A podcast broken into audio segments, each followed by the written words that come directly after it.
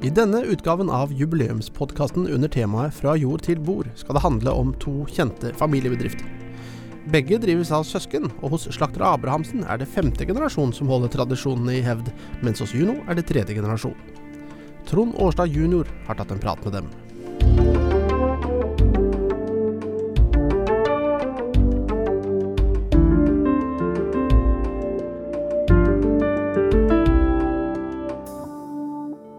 I dag har jeg med meg i studio eh, Abrahamsen kjøttforretning, og jeg har med to brødre som er brødre. Det er Torbjørn, og så er det Jan Reidar. Jeg er utrolig glad for at dere kunne tatt tiden og komme hit i dag. Takk. Dere er ganske travle eh, folk. Eh, når starta det i eh, dag? Nei, det er litt sånn forskjellig. Vi har en pølsemaker som har jobba der i snart 50 år. Han begynner litt før seks, og så kommer jeg litt før sju, og så begynner broren min litt uh, før, så han får ferdig butikken. Så det er folk fra kvart på seks til fem hver dag. Akkurat. Og det er eh, noen som er i front, og det er noen som er bak. Jeg vet, eh, Torbjørn, du er eh, han som eh, driver produksjonen og er eh, alt mulig. Hva betyr det? Hva er, hva er alt mulig i eh, et sånn foretakende som dere? Nei, jeg har eh, heldigvis, eller vi har heldigvis en Vi har jo veldig mange flinke folk, men vi har heldigvis en pølsemaker som er uh, alfa og omega, som styrer alt oppe. Så jeg uh, kommer på jobb, og så har han lagt opp en plan. Mm. Samtidig som vi har noen nede som legger opp planer, og de går ut ifra det. Men eh, jeg er stort sett i produksjon oppe hele dagen og produserer pølser og alle slags kaker og lapskaus og, og spekemat. Og vi produserer jo alt i butikken som vi selger, utenom eh, ja, det er noen saltpølser og noe sånt. Men det er leverpostei og fleskpølse og blodpudding, og vi lar være å produsere alt vi selger i disken i antasje, stort sett. Det er ganske interessant at det er en annen etasje. Kan du forklare hvordan det har blitt eh, sånn?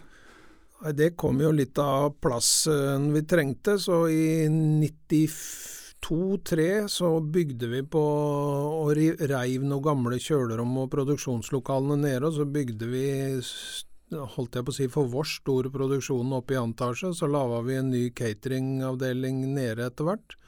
Og da kjører vi alle varene som vi får inn i heis opp i antasje, og så kan du si sånn grovpartere vi og gjør ferdig, klargjør til enten salg i butikken eller til eh, produksjonen videre på kjøkkenet. Så det er jo en sånn runddans da det går inn og så opp i antasje mesteparten av kjøttet, og så blir det foredla på et vis der, og så går noe ned i disken, og noe ned på kjøla, og noe inn på cateringen, og så la verdien ut til butikken, og så, ja.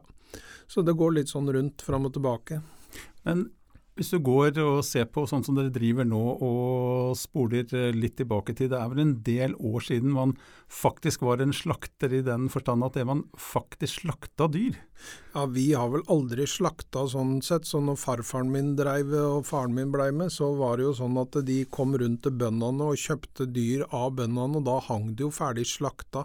Så det blei jo slått der noen kaniner og sånn kan jeg huske når jeg var i bakgården der på gamle, gamle dager, men da er vi jo tilbake til 70 80-tallet.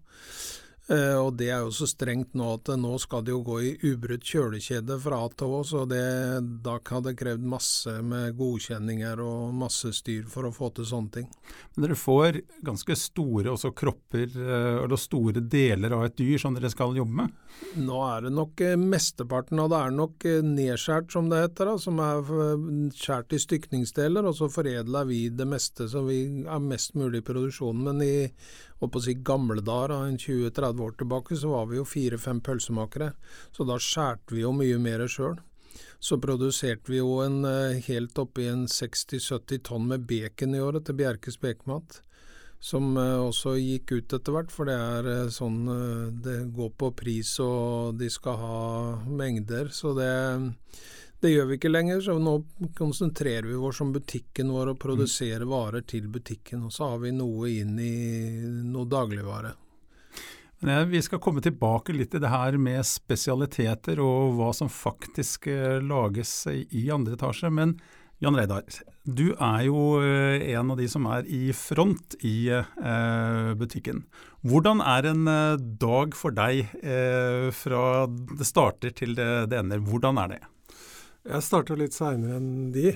Uh, og så starter vi med å legge opp disken, og så prøve å være klar med det sånn noenlunde til vi åpner butikken. Og så er det stort sett å ta imot de som kommer på en uh, best mulig måte. Og så hender det at jeg ute og leverer litt varer og sånn, men uh, mest i butikken, da. Er det, er det sånn at det, du får veldig mange av de samme folka som er innom, altså stamkunder? Du driver en sånn butikk som, som vår, du, som tross alt ikke er større enn det det er. Selv om vi har masse mennesker innom, så, så blir det jo sånn at du, du kjenner jo veldig mange av de. Mm. Og det blir et helt annet, uh, føler jeg sjøl, et helt annet forhold til kundene enn uh, ja, enn i en større dagligvarebutikk eller noe sånt. Nå vet jo ikke jeg hvordan de håndterer det, men for oss så er det sånn at hvis vi har faste kunder som ikke har vært der på en stund, så er det liksom Jeg tror til og med det har hendt at vi har ringt og sjekka om det er bra med de, rett og slett. Så, og jeg har alltid prata mye, og jeg prater mye fortsatt. og og tulle litt med folk, og, jeg syns jo det er ålreit.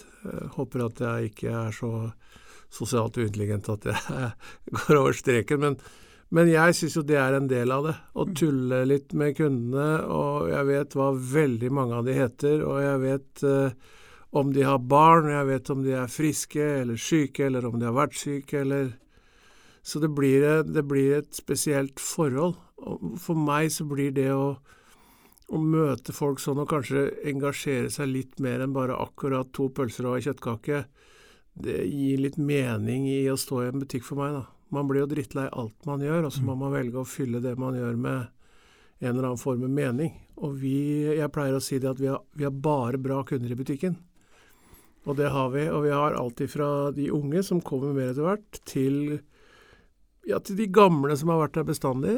Og så har vi noen av de som kanskje ikke har så mye å rutte med, og som kanskje eh, plundrer med sine ting. Eh, og vi har bank i bordet aldri problemer med noen. Mm. Jeg kan ikke huske sist gang eh, det var åpenbart at noen stjal noe i butikken hos oss. Og det tror jeg er fordi at vi som står i butikken, vi møter alle på samme måten, og vi møter stort sett alle mennesker med en, kanskje en litt uh, en tilnærming som, som, som, viser respekt. Da. Jeg mm. snakker med alle på samme måten om jeg ser det er litt sigende eller ikke. Mm. Og det tror jeg Jeg liker å gjøre det, og jeg tror de som blir snakka til, liker å bli snakka til sånn. Det virker jo som også dere har et uh, spesielt arbeidsmiljø, for det er jo folk uh, du jobber sammen med hele dagen som uh, har vært der i veldig mange år. Kan ikke du bare si litt om det? Ja, en av de er jo Åge. Jeg, jo, jeg har jobba med litt annet òg, i motsetning til broren min som hadde ei uke på Vestfoldstillinga. Så har jeg, jeg utdanna meg til eiendomsmegler og jobba med det i noen år. Og så jobba jeg noen år på Møller og Nessauto. Og så begynte jeg i butikken. Eh, men Åge har jo jobba der siden jeg blei født, og før det. Og Annelise, søstera hans, har jo jobba der eh, fra jeg var veldig liten. Og det blir jo nesten Bortsett fra at ikke vi har samla til juleselskaper og sånn, så er det jo nesten så nær familie du kan komme uten å være det. De, de er eh, Altså, når jeg kommer inn der, så, så, virker det som eh, jeg kommer inn i en komplett familiebedrift. Ja, det, blir nesten, det, blir nesten, det selv om ikke vi så, altså sånn rent eh, er i familie, da, så blir det jo det. Det prates ofte om det er med pølse i hånda, og at det til og med folk som eh, familier som har opplevd det her i generasjoner. Men eh, er det, hvordan, hvordan, gjør du en vurdering på når er det tid for pølse? Nei, det gjør jeg egentlig veldig lite vurdering på. Hvis det kommer uh, unger med foreldrene sine inn, så får de ofte spørsmål om de vil ha en pølse eller ikke. Mm. Uh, og jeg har liksom aldri tenkt over det, for det har alltid vært sånn. Men så kom det inn en uh, dame på tipper jeg noen og 70 til jul. Mm. Så hadde hun med seg et lite barnebarn, og så sa hun jeg husker så godt at jeg fikk, uh, fikk en pølse hver gang jeg kom inn til slakteren når jeg var liten. Og da tenkte jeg at det, er, det, det, blir, det er noe med tradisjoner å gjøre, dette her, altså. Og det er liksom, når det begynner å nærme seg 70 år siden, så, så skjønner du det at her ligger det noe bak deg som det kan være greit å ha respekt for og kanskje ta vare på. Mm. Så vi gjør ikke noen annen vurdering på det, annet enn at vi, vi spør om de vil ha. De, de, jeg tror de fleste får Hvis det er veldig travelt, så kan nok kanskje gleppe, men jeg pleier å si fra til nybakte mødre jeg spør hvor gamle ungene deres er, og sier at det er viktig å komme tidlig i gang med wienerpølser. så de får en god start på livet. Hvis vi eh, går litt eh, inn på det her med apropos det, med produkter og, eh, og pølser. Spesialprodukter. Hva er det, Torbjørn, som er deres absolutte vil du si, spesialiteter? Nei, det er vel det at eh, det er jo Vi produserer jo alle tinga som uh, vi selger, som sagt. Og det er jo det at vi kan gå opp i antasje, eller vi er jo der stort sett og produserer jo fra hand til munn. Det er lite som blir pakka, det er veldig ferskt, og, og det går liksom rett ovenifra. Så fort det er kaldt, så ligger det i disken. Mm. Og det er jo både på catering-sida med ferdigmaten som vi selger, og pålegget blir jo pakka opp oppå påleggsformer, og så hvis ikke det blir vakuumert, så går det rett i disken. Så det er jo det at vi, vi produserer det der og da, og så får de det rett ned. Og så er det jo det er jo en del gamle oppskrifter som er selvfølgelig fornya i forhold til forskrifter og sånne ting, men eh, det er, eh, det er, et håndverk. Det er ikke som andre som spyr ut en 3000-4000 kilo med pølser i timen fra A til Å. Så det er litt med sånne ting. Det er jo noe av spesialitetene med at vi kan snu oss rundt og produsere det som folk vil ha. Som jeg også skrev i Østlandsposten, at det var en kar som ikke fikk ungene til å spise grønnsaker, så da hakka vi pølser i grønnsakene, en sånn spesialladning til han. Og da kan vi dele det i ti hvis det ikke det er innafor i forhold til forskrifter, og så kan vi lage det sånn som folk eh, vil ha det litt, da. Men folks eh, smak og behag, eller hva er de, eh, de opptatt av? Har det forandra seg mye f.eks. de siste 50 åra? Ja, du kan si at når farfar og, og farmor dreiv det her i Starta jo opp i Larvik i 29, da. Eh, og Så blei de jo flytta bort her, og da starta de opp. og da var det jo, Det var jo en kjøttforretning, da. Mm. Så det at eh, det var jo ingen som skulle ha ferdig kjøttkaker, f.eks. Så det var jo liksom kjøtt, kjøtt de skulle ha. Så da var det koteletter, og da hang jo grisen bak, og så skjærte de ned og foredla. Sørte kjøttdeig og medisterdeig og koteletter. og og så fikk vi vel tvinga imellom sånn etter hvert på 60-70-tallet at vi skulle lage litt kjøttkaker og sånn, men farfar har jo aldri laga wienerpølser. Så, men han stekte kjøttkaker. Det gjorde han. Kjøttkaker og karbonader og sånne ting. Men også på begynnelsen av ja, eller begynnelsen sånn midt på 90-tallet så begynte vi jo med catering. Og da begynte vi jo med lapskaus. Det var det første vi laga, og det selger vi for så vidt akkurat like mye av enda. Så det er, liksom, det er liksom noe som går igjen. Vi tenkte når vi begynner med andre ting og, og sånn, så går det ned. Men Sånn bifflapskaus det blir jo håndskåret med rent karbonadekjøtt og, og koker, og det går jevnt og trutt, enten det er uh, vi selger det ene eller andre, så har vi det der nede. Og det tror jeg har litt med å si at vi, vi lager det litt sånn, vi putter ikke i alt mulig. Det er så godt som et rent produkt. så. Og til 17. Eh, mai så kommer det jo alltid opp det her med at da er det virkelig den eh, store perioden for det produktet. Men Vet dere hvorfor det har blitt sånn? Nei, det vet jeg ikke, men det er jo litt, er jo litt med det at vi selger, vi selger, det, som jeg sier, det er kjøtt og poteter og gulrøtter, og så mm. kan hver og en putte i hvis de har noe sånt. Så det er jo en del som kjøper den lapskausen vår, og så lager de den litt sånn som de har, og så lager vi en sånn basis som er veldig god, som alle liker, og så er den jo fri for allergier og sånne ting. Og så er det jo litt eh, sånn Det er jo litt stas, og vi kjører litt på det. Og vi er jo en bitte liten bedrift i forhold til veldig mange andre. De produserer jo det vi produserer i året, det selger jo i uka i andre, i andre butikker. Så det er jo litt det. Altså, vi syns jo det er gøy når vi greier å komme opp i et tonn. Mm.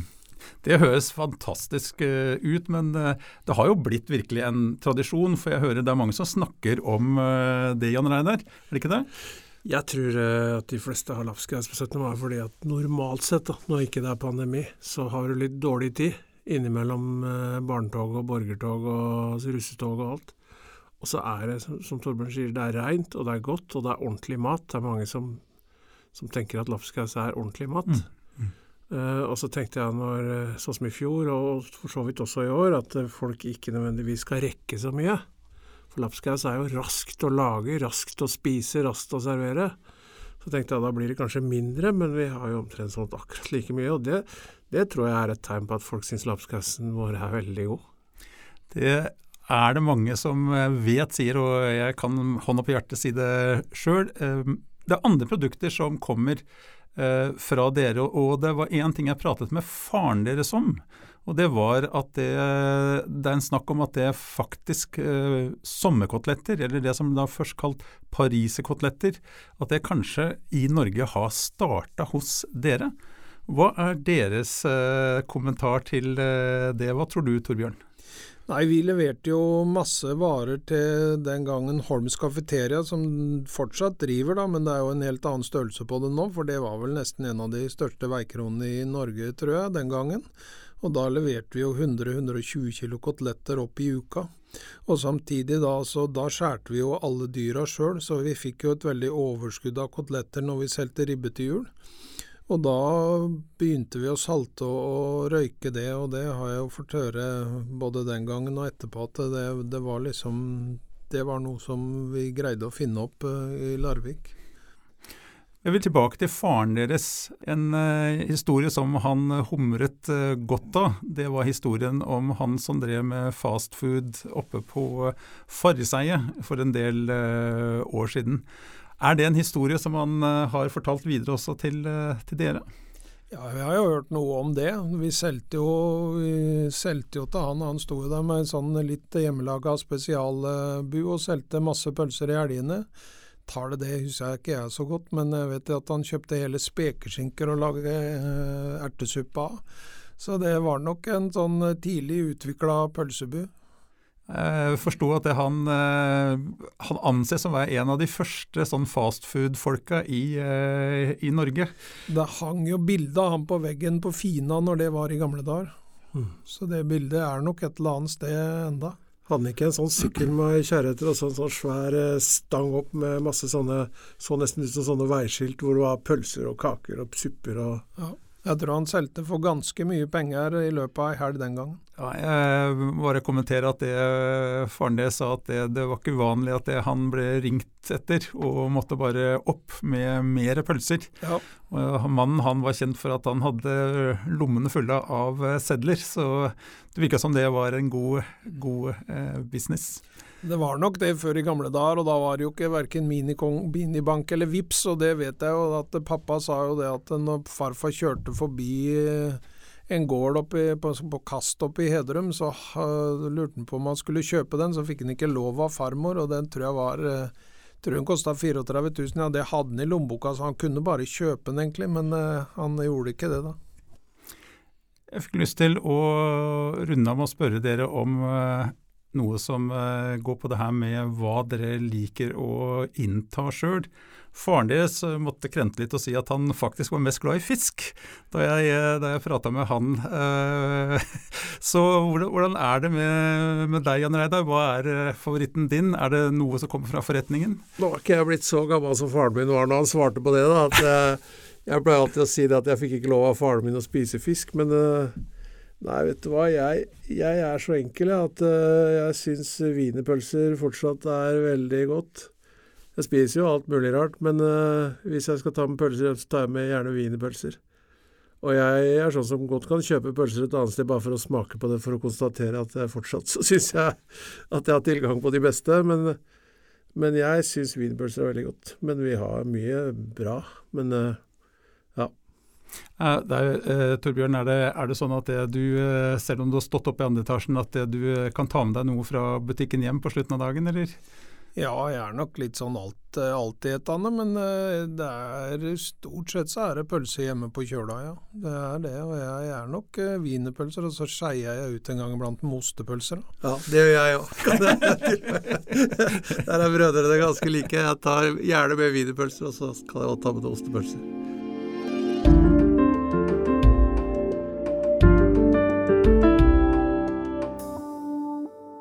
Da har jeg med meg Hanne og Sigfred Nyquist her. Velkommen begge to. Tusen takk. Jeg går rett på, jeg, Hanne. Jeg har lyst til å høre litt om hvordan startet uh, Juno-eventyret? Det var sånn at uh, han som heter Hagen, eller jeg er litt usikker på navnet, Bakke, ja, som uh, hadde en fabrikk i Sandefjord som heter Juno Sandefjord. Den kjøpte farmor og farfar i 1947, og dreiv der borte i noen år og kjørte fra Torstrand til eh, Sandefjord hver eneste dag, men det blei litt plundrete når de hadde to små gutter som skulle gå på skolen i Larvik og jobbe på Juno i Sandefjord på kvelden. Så de flytta etter hvert til eh, fabrikken til eh, Torstrand. Og da, på et eller annet tidspunkt, så uh, blir det jo dere som kommer til verden eh, ja, uh, også. Stemmer. og da har dere egentlig vært med fra barnsbena, eller fått nesten inn med morsmjølka? Det vil jeg si.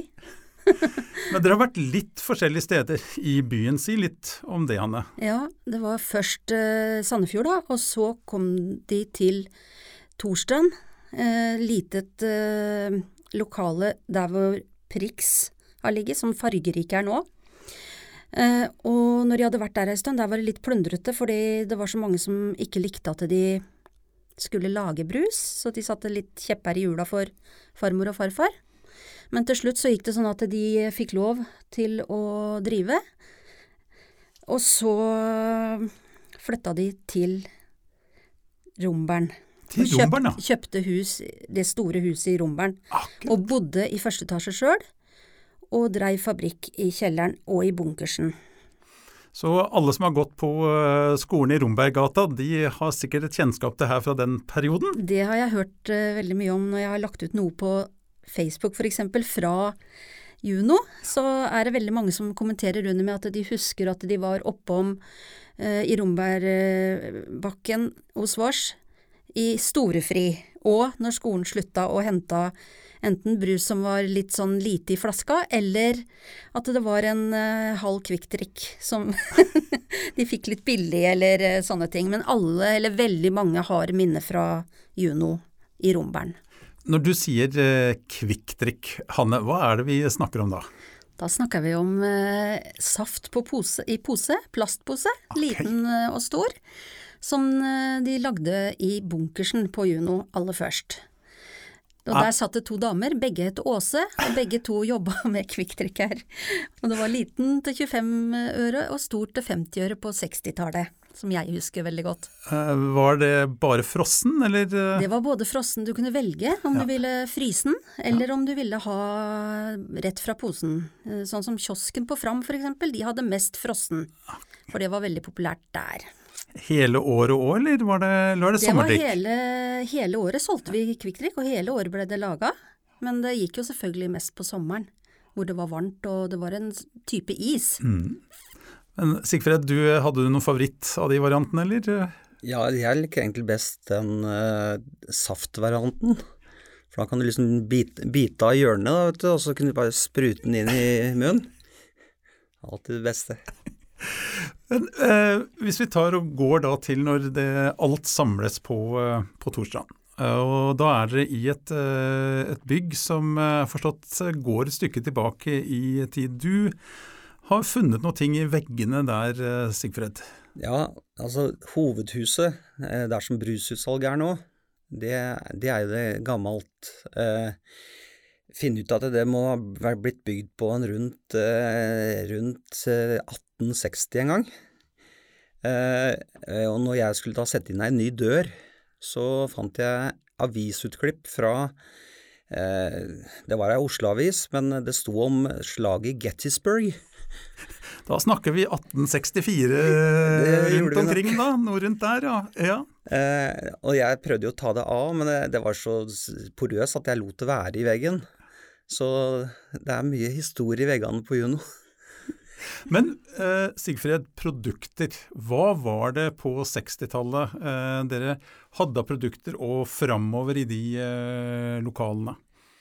Eh, 60-tallet, det, det, var jo fra Brannvassgata. Det er der som de fleste av Junos eh, produkter blei laga originalt.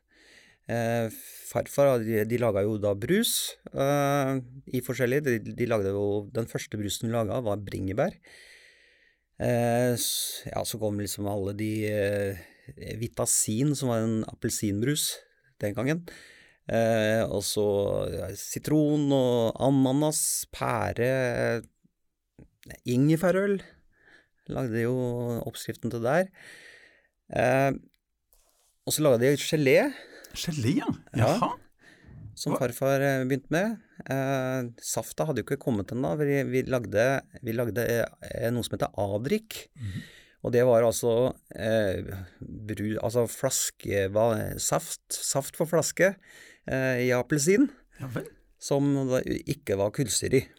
Ja, det føltes ut som en eh, uvanlig greie. Ja, det var rett og slett saft på flaske som du kunne drikke eh, akkurat som brus. Eh, Det var at når vi flytta da til, i 72 til, eh, til Torstrand, så kjøpte vi tappanlegget tappeanlegget fra Trio eh, i Porsgrunn. Eh, Og da gikk det ikke an å lage brus på, heller på flasker uten kullsyre.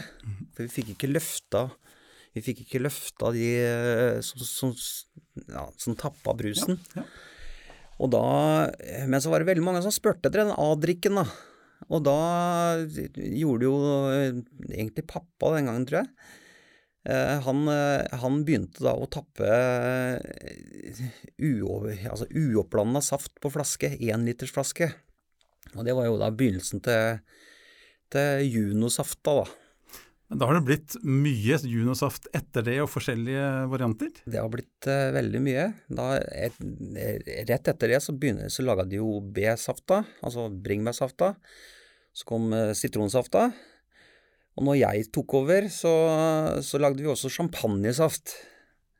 Men den lagde vi da av, av den gamle oppskriften på champagnebrus eh, som farfar hadde laga, da. Jeg husker én ting sjøl. På eh, eh, 70-tallet så gikk jeg ut i skolefri, kjøpte en halv Frøloff, og så var det alltid Happy Cola. Det gikk i den gangen. Eh, og Happy Cola det var et produkt for dere. Happy Cola var eh, Det er jo den norske ur-colaen, som de sier. Eh, Det var den eneste norske som var laga med egen eh, designerflaske. Eh, Og den blei laga i forbindelse med Asina-foreningen.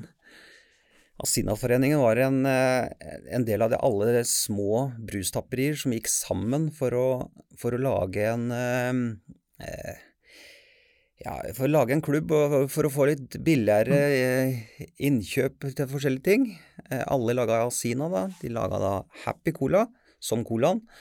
Og de da laga da Highland-produkter.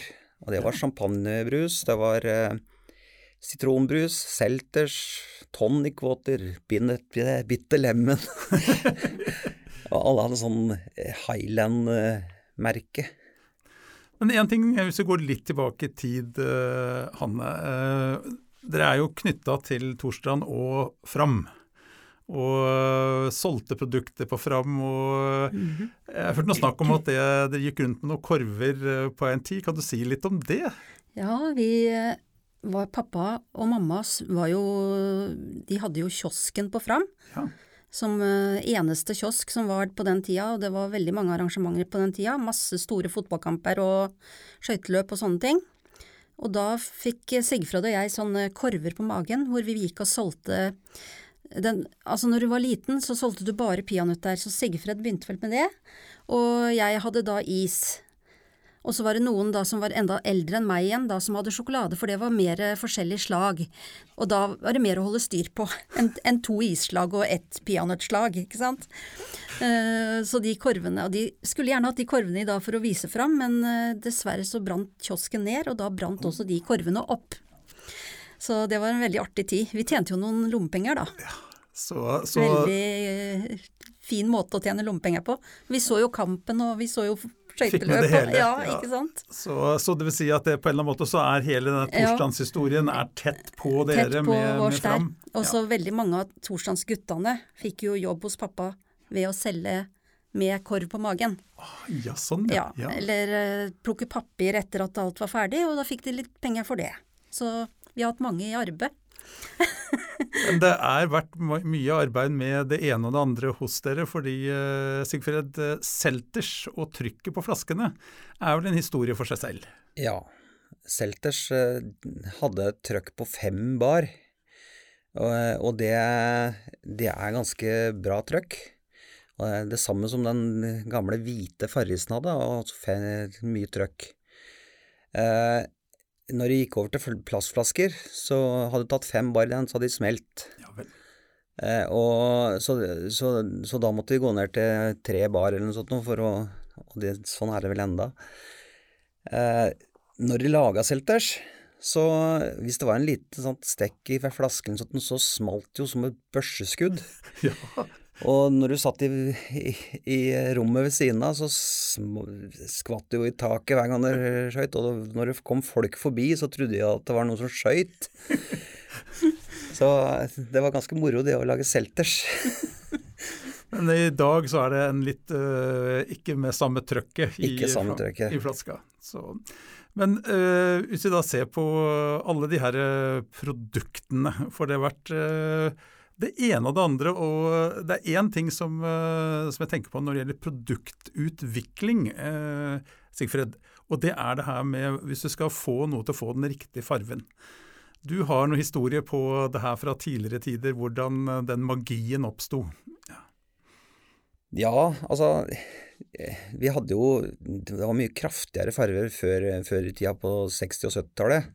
Det var farver som da blei ulovlig. For eh, de var for kraftige, jeg vet ikke hvorfor, egentlig. Eh, men jeg husa jo da at eh, farfar han visste meg, vi, skulle lage brus, vi skulle lage da Da skulle vi lage ja, hva skulle vi lage? Jeg tror jeg Jo, vi skulle lage stikkelsbærbrus. Ja. Og den var, den var knall grønn. Og da sa farfar Han tok en halv teskje med grønnfarve, og så Se her nå, sånn. Så tok han nedi et sånt bad med ja, 100, 100 liter med, med, brus, eller med det som skulle bli brus. Eh, tok ei halv teskje oppi, og så blei det knall grønt. På det gikk kanskje to sekunder, så var det, allting var knall grønt. Uh, så det var ganske morsomt. Det høres ut kanskje en sånn type stoff som det er greit at man ikke bruker så mye av i dag? Ja, altså de sier at altså, det, allting ble så farlig, vet du. Ja. Men det var sånn at du måtte jo drikke et badekar for at det skulle bli farlig. Ja, akkurat. Men uh, det var jo farlig, da. Men uh, det kom jo en del sånne lover og regler om uh, at ikke de skulle bruke det og det. Ja. Så allting som er nå, det er, det er jo egentlig laga av Sånn som rødfarve er laga av rødbeter, og mm. det er laga av naturlige ting, da. Ja. Og Hanne, eh, de, dere har jo en farmor som eh, var ganske myndig da hun sto i eh, butikken. Kan ikke du fortelle litt om det? Ja, det var eh, hvis, solgte, hvis, noen kom inn og skulle ha blandevann, ja. det likte ikke farmor så godt, for det, hun var ganske ja, hun var en veldig koselig og snill dame, hun var veldig religiøs. Så hvis det kom noen og skulle ha blandevann, så blei hun veldig stram i maska og sa det at eh, blandevann, nei, det visste vi ikke, det visste ikke hun hva var for noe. Men det var jo Bitte Lemon og Selters og Farris og sånn, eller sånne type tonicwater og sånne ting, ja. som de skulle ha. Altså de fikk jo det de skulle, men de måtte si at de skulle ha slaga. Akkurat. Ikke blandevann. Nei, nei. Så, da kan jeg tenke meg at hun var kanskje ikke så glad for tanken på f.eks. øl? Nei, da, vi har ennå ikke klart det. Nå vi driver i over 70 år. Vi har ikke, ennå ikke klart å få øl i butikken. Nei, se det. Pappa var veldig på det og skulle ja. prøve å få til det, men ja. Eh, så lenge farmor og farfar var i butikken, så var ikke det aktuelt. Nei. Og det har vært helt greit, det, altså. Det har vært helt greit. Ja, ja, ja. ja, så, men det har vært noen andre produkter. Det var innom gelé, men noe som uh, jeg så uh, altså visse år, deler av året at det sukkerflesk, det dukker opp. Kan ikke du ta historien rundt det? Jo, det er jo en gammel historie. Uh, egentlig så solgte de sukkerflesk helt fra 1800-tallet i Larvik. Mm -hmm i Bøkeskauen på 17. mai og sånne ting, så var det koner som sto og solgte sukkerflesk til to øre og sånn. Eh, og så har det vært i Larvik sukkerflesk oppover i forskjellige årstall oppover. Eh, Bjørn Erlandsen hadde jo sukkerflesk i mange år. Han eh, solgte vi for, Ja. så vi hadde hans sukkerflesk hos oss. Og så fant vi ut at det var så mye spørsmål om å få det tilbake, for det var jo lang stund vi ikke lagde det. Så har vi ei lillesøster som hadde en oppskrift fra Trøndelag. Så hun starta å lage eh, for ganske mange år siden sukkerflesk, og vi solgte det i butikken. Og så fikk eh, hun en annen jobb inn under jul, sånn at eh, Sigfred fikk oppskriften. Og de siste to åra så har Sigfred laga. Så du er sukkerflesk? Nå har Sigfred blitt Mr. Sukkerflesk, og det er fantastisk godt. Og det hører til jul. Er, er det lov å spørre hva det faktisk er? Hva Det det, må du er i svare det? på, Kan du, si- hva, hva kan du si om det, Sigfrid? Da kan jeg jo ikke røpe oppskriften, da. Nei, nei, nei, nei men, hva, men jeg antar at det er noe med sukker, i hvert fall. Ja, Ja. det er eh, Det er sukker og stivelse. Aha. Eh, men det er, det, er en, eh, en, det er en kunst egentlig å lage det for å få det riktig. Det skal liksom være veldig riktig i forhold til hvor varmt det skal være når ting blir blanda i og sånne ting. Og jeg prøvde og feila ganske mange ganger før jeg klarte å få det til. Nå prøvde jeg å liksom lage litt større batcher hver gang, da. Eh, og da men eh, etter hvert da, så fikk jeg det bra til. Og det er blitt et produkt som dere har på det jevne nå, eller? Nå har vi begynt å Altså, vi, vi prøvde å lage en liten eh, sånn til påske. Da, da var det bare hvitt og gult. Ja. Eh, det, det normale er jo, er jo gult og rødt, og hvitt i midten. Og til 17. mai nå så prøvde vi å lage rødt, hvitt og blått. Ja. Eh, da laga vi bare da, men det er liksom jul, det er julevarer, Ja. den her. ja. Men altså, hvis vi går litt tilbake i tid, altså på slutten av 90-tallet, så brus, det, da måtte det stoppe opp. Og så gikk dere videre på andre ting. Kan du bare si litt om hva har vært businessen deres i seinere år? Det som har vært eh, businessen de seneste åra, er jo automater. Mm. Eh, pappa begynte med den første brusautomaten i 1968. Oi. Eh, det var sånne grindmaskiner, sånn de hang etter korken. Eh, han hadde nede på wallboarden eh, Altså, det er vel eh, impregneringa, tror jeg. Eh, og han på Namsethuset er Fram. oppe Fram i, der. Problemet er at eh, de fant ut at de hadde med seg en brusopptrekker, så kunne de stå med sugerør, da, vet du. og, ja, men vi har jo enda automater, og eh, vi har jo automater rundt i hele Larvik og Sandefjord enda. Det er vel det vi driver mest med nå, det er det. Men dere er jo, eh, Hanne, en institusjon på Torstrand. Mm. Og eh, jeg har vært innom dere hvor det kommer eh, folk i eh, ja, alle aldre, men det kommer noen litt av den eldre garde, og det virker som de har eh, lesket strupen med alt av hva dere har hatt av produkter opp gjennom uh, åra. Mm. Så uh, er det en møteplass fortsatt å komme til dere? Ja, jeg, jeg føler det. Jeg er jo jobber, eller hjelper Sigfred og de fast hver mandag. Og så er jeg sånn ringevikar ellers, da. Som kommer når Og da på mandagen så merker jeg det at det er, det er faste kunder som kommer. Og de ja, de er jo så glad i å gå rundt i butikken og kikke på alle de gamle flaskene, for de husker Da minner dem om når hun traff kona si, da hadde de sånn, og da Masse historier rundt det museet vårt, da, Ja. som vi har i butikken. Så det er veldig koselig med det at folk kommer tilbake. Jeg savner de hvis ikke de Noen faller jo fra. Ja, det har de jo gjort, ja, så da savner vi dem. Ja. Men uh, det er Men eh, når du sier akkurat det, så uh, Hva slags tanker har dere om eh, framtida? Ja, men vi vet jo ikke hvem som vil ta over etter oss. Og vi vet heller ikke hvor eh, lønnsomt det kommer til å være i tida framover.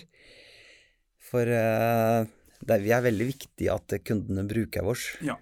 Vi bare ønsker dere alle lykke til, og eh, tusen takk for at dere var med oss i dag, Hanne og Sigfrid. Nei, nei, nei, jeg, jeg- jeg skal ha eh, to lomper, ikke brød. Og du, da? Diesel på pumpe fem og en super spesial. Ja, det var det vi hadde på menyen i denne episoden, og takk til Trond Årstad jr. for ingrediensene og tilberedningen. Og til deg, Gerhard Leonsen, for godt lydkrydder. Og til deg, Kjetil Wold, som kokkelerer på redaksjonskjøkkenet. Takk til gjestene fra Slakter Abrahamsen, Torbjørn og Jan Reidar, og fra Juno Larvik, Hanne Lisbeth Nyquist og Sigfred Nyquist. Følg oss gjerne på Facebook, Larvikspodden, Ropert eller Vi350. Du finner også Larvikspodden på Spotify og der du laster ned podkast. Ansvarlig for podkasten er Foreningen Ropert. Og